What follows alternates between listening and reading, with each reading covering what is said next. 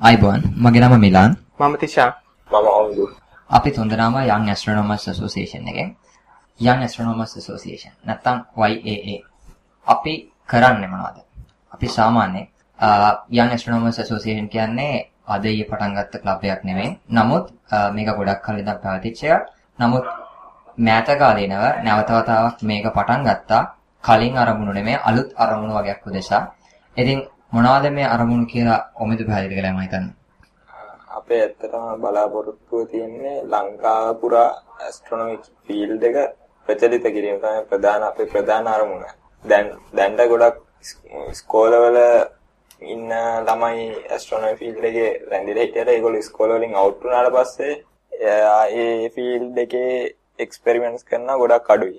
අපිට ඕනේ අන්න ඒ தත්ත්වෙට මේ ලංකාවේ තාරකා විද්‍යාව ගෙනෙන්න.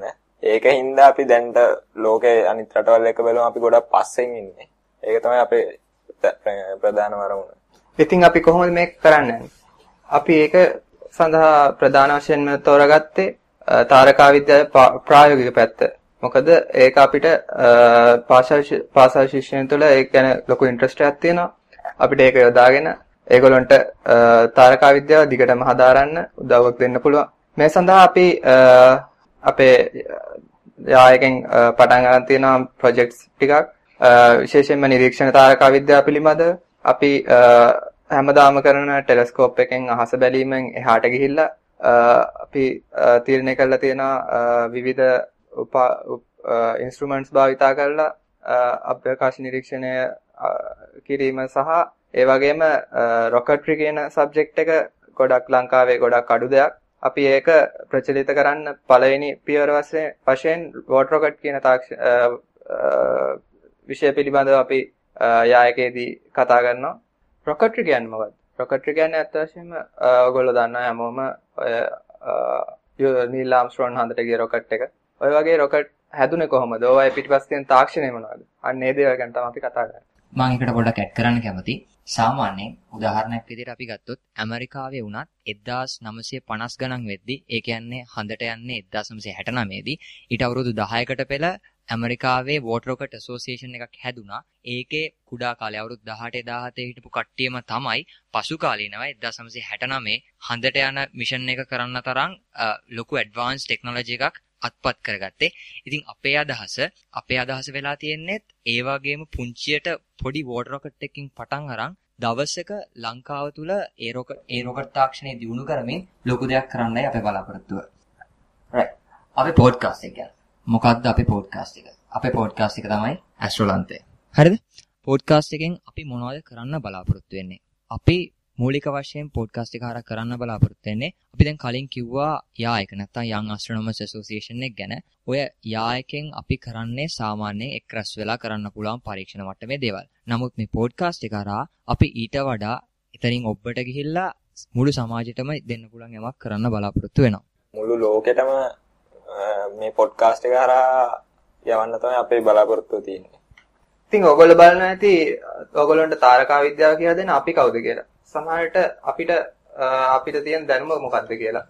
ඉතින් අපි අපිම හැම දෙයක්ම කියන්නේ නැතුව අපි තීරණය කරනවා අපි තීරණය කරලා තියෙනවා අපේ පොඩ්කාස්ට් එක සඳහා රිසෝස් පර්සන්ස් වශයෙන් ලෝකේ නම ගිය තාරකා විද්‍යාඥයෙක් සම්බන්ධ කරගන්න ඒ වගේම පාසල් වල තාරකා විද්‍යා සංගම් වල ලංකාවේ විවිධ තාරකා විද්‍යා සංගම් වල අයත් අපි සහභාගී කරගන්න තීරණය කරලා තියෙනවා. ඒ වගේම මහාචාර්යවරු ආචාර්යවරු ලංකාවේ විශ්වවිද්‍යාලවරු ගන්නන ඒගොල්ලන්වත් අපි බලාපොරොත්තු වෙනවා ඉදිරියේදී මේ වැඩසටහනත් එක්ක සම්බන්ධ කරගන්න.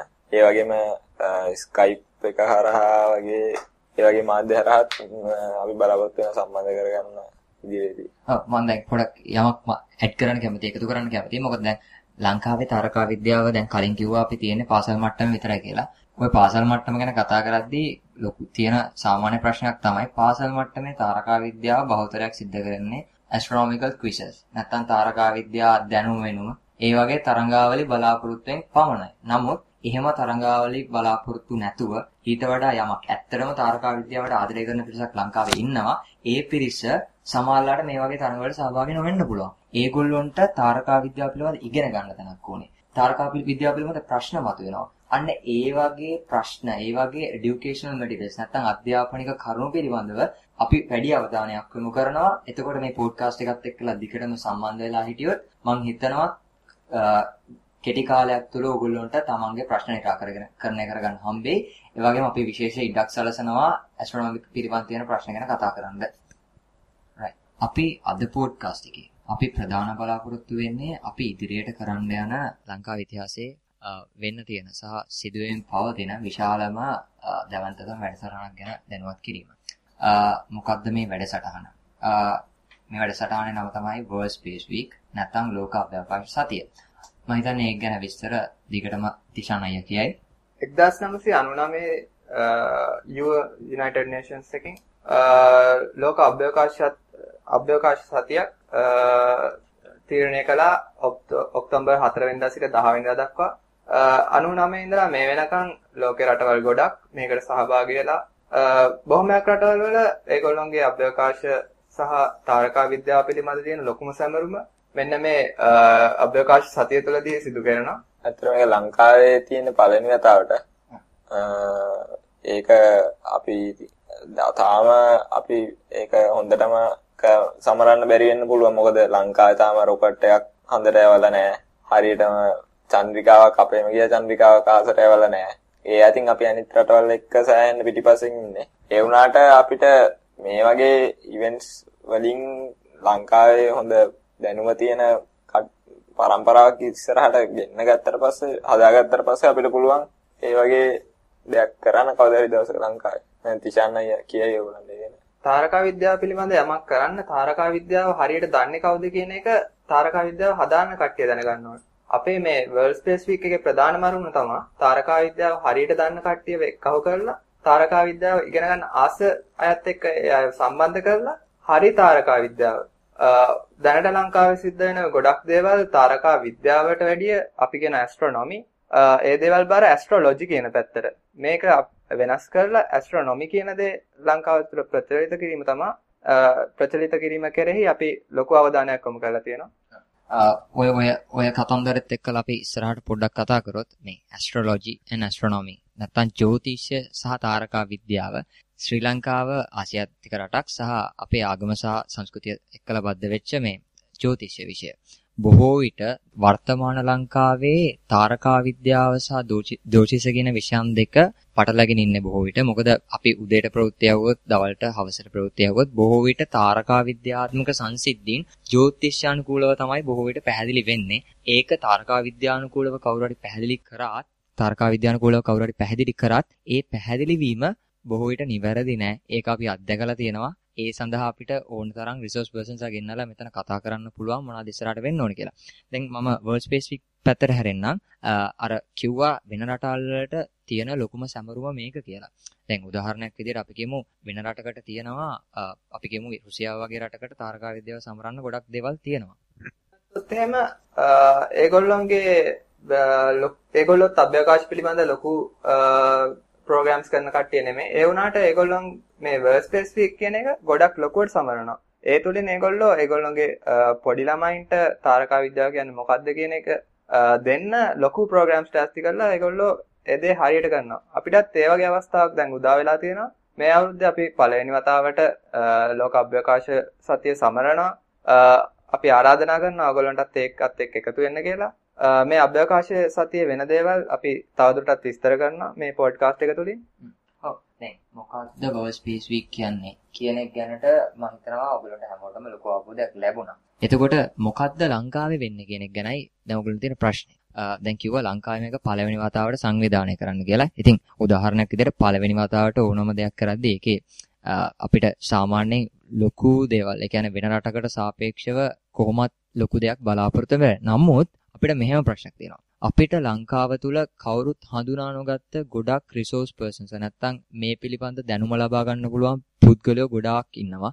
ඒ වගේම ලංකාවේ පාසල් තාරකා විද්‍යාව ඇත්ත වශයෙන්ම හොඳ මට්ටමක තියෙනවා. කියන්නේ එතනින් බාහිරව හොඳින් සිද්ධ නොවුනත් ඉතින් අපි මේ පාසල් තාරකා විද්‍යාව නැත්තම් පාසල් වල විවිධ පාසල් හරහා සිද්ධ වෙන දේවල් එකතු කරලා මේක අපිට හම්බෙන අන්තිම chance එක වෙන්න පුළුවන් මොකද අපිට තාරකා විද්‍යාව ලංකාව ඉස්සරහට ගෙනියන්න ඕන නම් අපිට ඕනේ හොඳ කමියුනිටි එකක් නැත්තම් හොඳ කට්ටියක් ඕනේ එකතු කරගන්න. ඉතින් මේ World Space Week එකේ මේ සැරේ අපේ ශ්‍රී ලංකී ශ්‍රී ලංකාවේ සමරන World Space Week එකේ අපේ අරමුණ ඒ community එක නැත්තම් ඒ පිරිස එකතු කරගන්න එක. එතකොට මෙතනින් එහාට අපිට තාරකා විද්‍යාව පිළිබඳ ගන්න තීරණ නැත්නම් කරන්නා වූ විවිධ වැඩසටහන් ඒ පිරිසත් එක්ක එකතු වෙලා හොඳ ගමනක් යන්න පුළුවන් විදිහට කරන්න පුළුවන් කියලා මම විශ්වාස කරනවා. ඇත්තටම අපේ වර්ක් ස්පේස් වීක් එක දැන්ට එදිලා තියෙන ඔක්තෝබර් 4 වෙනිදා ඉඳලා ඔක්තෝබර් 10 වෙනිදා එන ඒ සතිය තුල ලෝකේ පුරාම හැම රටක්ම වර්ක් ස්පේස් වර්ක් ස්පේස් එක සමරන්නේ ඒ ඒ සතිය තුල තමයි.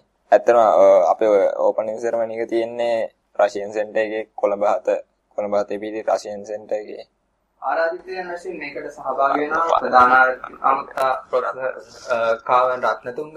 ඔහු අභ්‍යවකාශ සහ තාරකා විද්‍යාව පිළිබඳ පශ්චාත් උපාධිධාරී නාසා ආයතනයේ සේවය කර දැන් විශ්‍රාම ගිහිල්ලා ලංකාවේ ඉන්නා. ඔහුගෙන් අපිට ලබා ගන්න හැකි දේ බොහෝයි. ඒ වගේම තාරකා විද්‍යාව පිළිබඳ ශිෂ්‍ය ප්‍රජාව දැනුවත් කරන්න හැකියාව තියෙන තාරක ගමගේ වැනි සයන්ස් රයිටර්ස් විද්‍යා රචකයින් ඒ වගේම මර්වින් ප්‍රනාන්දු පියතුමා මම හිතන්නේ ලංකාව තුළ තාරකා විද්‍යාවේ ඉතිහාසය පිළිබඳ ඔහුට වඩා දන්නා කෙනෙක් නැහැ.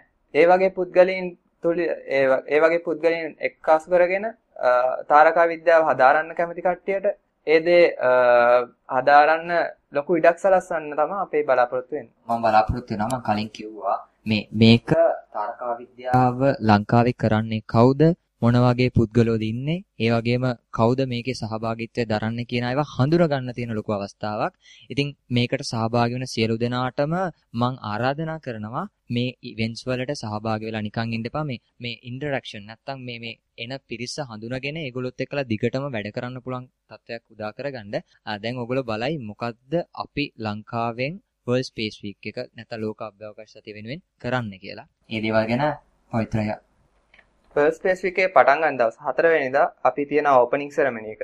කලින් කිව්වා වගේ රෂියන් සෙන්ටර් එකේදී. ඊට පස්සේ එදාම ශ්‍රී ලංකා ග්‍රහලෝකාගාරයෙන් ඔවුන්ගේ තියෙන මොබයිල් ප්ලැනටේරියම් කියලා ජංගම ග්‍රහලෝකාගාරය.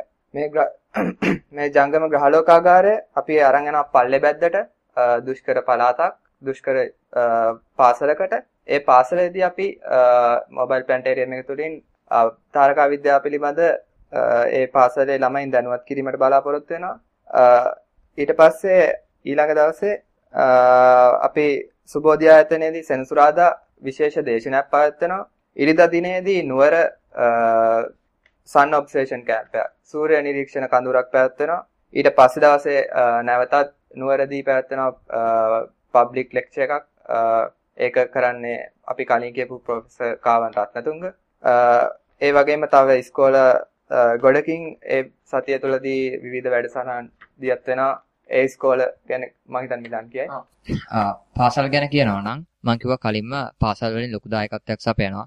උදාහරණයක් විදිහට මම ආරම්භ කරන්නම් රාජකීය විද්‍යාලය ඔක්තෝබර් 10 වෙනිදා. ඔක්තෝබර් 10 වෙනිදා විවිධ ඒ කියන්නේ රාජකීය විද්‍යාලය 6 7 8 9 10 11 සහ 12 13 කියන කැටගරිස් හතරකට බෙදලා ඒගොල්ලොන්ට විවිධ වැඩසටහන් කරනවා. උදාහරණයක් විදිහට සූර්ය නිරීක්ෂණ කඳවුරක් ලෙක්චර් එකක් නැත්නම් දේශනයක් ඒ වගේ කටයුතු සිද්ධ වෙනවා. ඊට පස්සේ දෙයි බාලිකා විද්‍යාලය. දෙයි බාලිකා විද්‍යාලය ඉවෙන්ට්ස් තුනක් කරනවා මේ සතිය ඇතුළත. ඉතාමත් හොඳයි. ඉවෙන්ට්ස් තුනෙන් පළවෙනි එක හරිම විශේෂ අවස්ථාවක්. මම හිතන්නේ ඒක මේ ඒගොල්ලෝ කවුරුත් කරලා නැහැ. ශ්‍රී ලාංකිකයන් හැටියට අපි සතුටු වෙන්න ඕනේ දැන් මම හිතන්නේ. මොකද ශ්‍රී ලාංකික අපිට අනන්‍යතාවයක් තියෙනවා අපිට සංස්කෘතියක් තියෙනවා. ඉතින් අපි ඒගොල්ලෝ කරන්න යන්නේ මේ මලගිය ඇස්ට්‍රොනොට්ස්ලට ඇස්ට්‍රොනොට්ස්ලට පින් පමුණනවා. ඉතින් මම හිතන්නේ ලාංකිකයන් වශයෙන් අපිට ඒක පුරුදු දෙයක් නෙමෙයි. මොකද අපි කළ යුතු දෙයක් අපේ යුතුයකමක් හරි.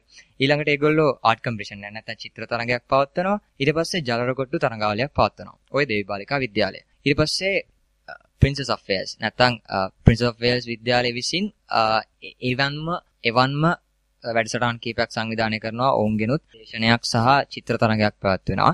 ඒ වගේම සෙන්ට් බ්‍රිජට්ස් කොන්වන්ට් ශාන්ත බ්‍රිජට් කන්‍යාරාමය විසින් චිත් මොනවාද සූර්ය නිරීක්ෂණ කඳවුරක් සහ ජලරකොට්ටු තරඟාවලියක් පවත්වනවා. ඒ වගේම පිළියන්දල සෙන්ට්‍රල් පිළියන්දල මධ්‍ය විද්‍යාලය විසින් පවත්වනවා දේශනයක්. මෙවන් වැඩසටහන් කීපයක් සංවිධානය වෙනවා පාසල් මට්ටමින්. පාසල් මට්ටමින් එහාට ගියාම විශ්වවිද්‍යාල මට්ටමේදී ශ්‍රී ජයවර්ධන පොළ විශ්වවිද්‍යාලය මගින් සංවිධානය කරලා තියෙනවා රාත්‍රී ආසනීක්ෂණ කඳවුරක්. ඒ වගේම කොළඹ විශ්වවිද්‍යාලයෙන් දේශනයක් පවත්වීමට තීරණය කරලා තිබෙනවා. මෙවැනි වැඩසටහන් රාශියක් අපි දැනට තීරණය කර තිබෙනවා මේ සතිය තුළදී. ඉතින් මම හිතන්නේ මේක ලොකු අවස්ථාවක්. මොකද මේ මේ ඉන්ස්ටිටියුට්ස් හැම එකක්ම එක්කහුව වෙලා වැඩ කරන පළවෙනි සහ අවසාන අවස්ථාව මේ වෙන්න පුළුවන්. ඒක නිසා අපි මේ අවස්ථාවෙන් උපරිම ප්‍රයෝජන ගන්න ඕනේ. මම හිතන්නේ ඒකෙන් ඔබටත් ලොකු ප්‍රයෝජනයක් ගැනීමට හැකියාවක් තියෙනවා. මම හිතනවා දැන් අපි දැන් කතා කරා මොනවද වෙන ඉවෙන්ට්ස් ගැන මම හිතනවා ඕගොල්ලොන්ට ලංකාවේ සිද්ධ වෙන ඉවෙන්ට්ස් ගැන සාමාන්‍ය අවබෝධයක් ලැබෙන්නේ නැති මොනවද වෙන්නේ කියලා අර මම කලින් කිව්වාගේ මේක ඇත්ත වශයෙන්ම කියනවා නම් ඇස්ට්‍රෝ කානිවල් එකක් හේතුව මේ සතිය ඇතුළත ඉවෙන්ට්ස් 20කට අධික ප්‍රමාණයක් තැන් තැන්වල පැවැත්වෙනවා. එතකොට අපේ බලාපොරොත්තු වර කලින් කිව්ව විදිහට මේ සතිය අවසානයේ වෙද්දී හොඳ ඇස්ට්‍රොනොමි ප්‍රජාවක් නැත්නම් තාරකා විද්‍යාව පිළිබඳ හොඳ ප්‍රජාවක් ගොඩනැගිලා තියෙයි. එතකොට අපිට ඉස්සරහට වැඩ කරගන්න ලේසි. මම හිතන්නේ ඒ වගේම ඕගලන්ට අපි කන්ටැක්ට් කරගන්න පුළුවන් yaasrilanka@gmail.com මීට කලින් මේ අභ්‍යවකාශ සතියට කලින් තාරකා විද්‍යාව පිළිබඳ ලංකාවේ වෙච්ච දේවල් ගැන කතා කරනකොට කතා නොකරන් බැරි තැනක් තමයි අභ්‍යවකාශ හා අභ්‍යවකාශ අධ්‍යයන කේන්ද්‍රය කියන්නේ. එහෙම නැත්නම් Astronomy and Space Study Center AWSC.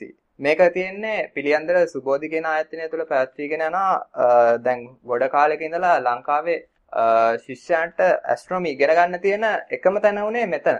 වෙන නේවාසික කඳවුරු වගේ දේවල් පැවැත්ුණාට දිගටම ඇස්ට්‍රොනොමි කරන්න පුළුවන් එකම තැන මෙතන. හැම සෙනසුරාදාම මෙතනදී තාරකා විද්‍යාවේ එක සබ්ජෙක්ට් එකක් අල්ලගෙන ලෙක්චර්ස් ලෙක්චර් එකක් කරනවා. එක ෆීල්ඩ් එකක් පිළිබඳව. මේ තුලින් හැදිච්ච ගොඩ දෙනෙක් ඉන්නවා. මම හිතන්නේ උදාහරණයක් වශයෙන් මාම ගන්න පුළුවන්. ඉතින් මේ අභ්‍යවකාශ කේන්ද්‍රය මේ අභ්‍යවකාශ සතිය කියන එක මගේ හරියට නැහැ. මේ අභ්‍යවකාශ සතියේ අන්තිම දවසේදී අපි ඔෆිෂියල් ක්ලෝසින් සෙරමනි එක. එහෙම නැත්නම් අන්න ඒක පැවැත්වෙන්නේ සුබෝධි තාරකා විද්‍යා සංගමය මගින් පැවැත්වෙන පබ්ලික් නයිට් කැම්ප් එකක්. ඒ කියන්නේ හැම කෙනෙක් ඕනම කෙනෙක්ට සහභාගී වෙන්න පුළුවන් නයිට් කැම්ප් එකක් පැවැත්වෙනවා. මෙන්න මේකට සමගාමීව ඒ ක්ලෝසින් සෙරමනි එකත් පැවැත්වෙනවා. ඉතින් ඒ වගේම අපි තවත් කතා කරන්න ඕන කෙනෙක් තමයි ශ්‍රී ලංකා ග්‍රහලෝකාගාරය. ශ්‍රී ලංකා ග්‍රහලෝකාගාරයත් අපිට මේ කතාවේදී දායක වෙනවා. ඔවුන් විසින් ඉවෙන්ට්ස් දෙකක් ලෑස්ති කරලා තියෙනවා. පළවෙනි එක ඔක්තෝබර් 4 වෙනිදා අපි කලින් කිව්වා මොබයිල් ප්ලැනටේරියම් එක. ඒ වගේම තවත් ඔක්තෝබර් 8 වෙනිදා පැවැත්වෙනවා රාත්‍රී අහස නිරීක්ෂණ කඳවුරක්. මෙතනින් එහාට ගියාම අපි කතා නොකරන් බැරි දෙයක් කෙනෙක් තමයි IMCD කියන්නේ. කවුද මේ IMCD කියන්නේ? International Movement for Community Development. ඒ කියන්නේ මෙම ආයතනය සමාජය තුලින් බිහි වෙච්ච සමාජයේ හොඳ තැනකට ගෙන්න එහෙමට සිහින දකින පුද්ගලයන් 3-4 දෙනෙක් එක්කව වෙලා මුලින්ම පිහිටවාගත් ආයතනයක්. නමුත් දැන් එහි වොලන්ටියර්ස්ලා වශයෙන් 100 ගානකට වැඩි ඉන්නවා.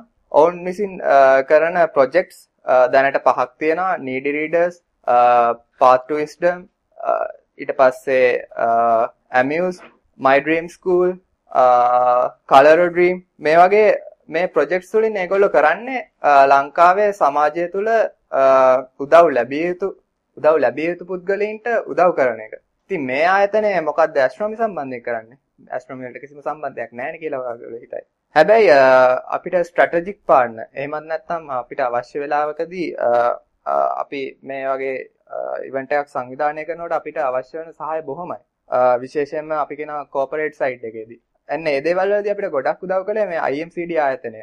IMCD ආයතනය තමයි අපේ ස්ට්‍රැටජික් පාර්ට්නර් වශයෙන් දායක වන්නේ මේ අභ්‍යවකාශ සතිය සඳහා. ඊට පස්සේ අපි තවත් අමතක කළ යුතු නෑ skylk.com. මීට අවුරුදු 3කට පමණ පෙර ආරම්භ වෙච්ච ලංකාවේ පළවෙනි අභ්‍යවකාශ තොරතුරු ජාලය skylk. තුලින් ලංකාවේ තාරකා විද්‍යාව පිළිබඳ ශිෂ්‍ය ප්‍රජාවට ලබා දී ඇති දේ බොහොමයි. ඔවුන් විසින් පවා මීට කලින් පොඩ්කාස්ට් එකක් කරලා තියෙනවා. ඒ වගේම ඔවුන්ගේ වෙබ්සයිට් එක තුලින් ගොඩක් අභ්‍යවකාශය පිළිබඳ අලුත්ම තොරතුරු ලබා දෙනවා. අභ්‍යවකාශ පිළිබඳ ලොකු දැනුමක් ලබා දෙනවා. skylk.com තමයි අපේ ඔන්ලයින් මීඩියා පාර්ට්නර් වශයෙන් අපිත් එක්ක සම්බන්ධ වෙලා තියෙන්නේ. අපේ වෙබ්සයිට් එක wsw.skylk.com කියන එක අපිට ලබා දුන්නේ ඔවුන් විසින්. ඒ වගේම තවත් කතා කළ යුතු පිරිසක් ඉන්නවා. ඒ පිළිබඳව මිලන් කතා කරයි. දැන් මේ වගේ කාර්යයක් දිගටම කරගෙන යද්දී අපිට මේකට පබ්ලිසිටි නැත්තම් ඒ කියන්නේ මේක ප්‍රචාරය කිරීම සඳහා දායකත්වයක් අවශ්‍යයි අනිවාර්යයෙන්ම. ඒ සඳහා අපිට විශාල සහයෝගයක් දුන්නා මව්බිම සහ සිලොන් ටුඩේ කියන පේපර්ස් නැත්නම් පත්තර දෙක. මොකද මව්බිම සහ සිලොන් ටුඩේ කියන එක තමයි අපේ print media partners partnersලා. ඒගොල්ලෝ තමයි අපේ සියලුම ආටිකල්ස් ඒ වගේම ඉන්ටර්විව්ස් සහ ඇඩ්වර්ටයිස්මන්ට්ස් ඔක්කොම පබ්ලික් පබ්ලිසිටි කරන්නේ. ඉතින් ඒගොල්ලෝ විශේෂ සහයෝගයක් දක්වුවා ඕනම් අපිට මේ අපිට මේක ගොඩක්ම ඉස්සරහට කරගෙන ඒගොල්ලෝ ලොකු දායකත්වයක් සැපුවා. මොකද පළවෙනි වතාවට යමක් කරනකොට මේ පළවෙනි වතාවට යමක් කරනකොට ගොඩක් අය සහයෝගය දක්වන අඩුයි. එතකොට එවන් අවස්ථාවක ඒගොල්ලෝ දක්වපු සහයෝගයට අපි විශේෂ ස්තුතියක් පුද කරනවා. ඒ වගේම ඕගලන්ට අපි අපේ අපේ මොන හරි අපිට ප්‍රශ්න යොමු කරන්න පුළුවන් yaasrilanka@gmail.com ඒ වගේම දැනට අපි අපේ පොඩ්කාස්ට් එක පබ්ලිෂ් කරන්නේ tekkata.com එකේ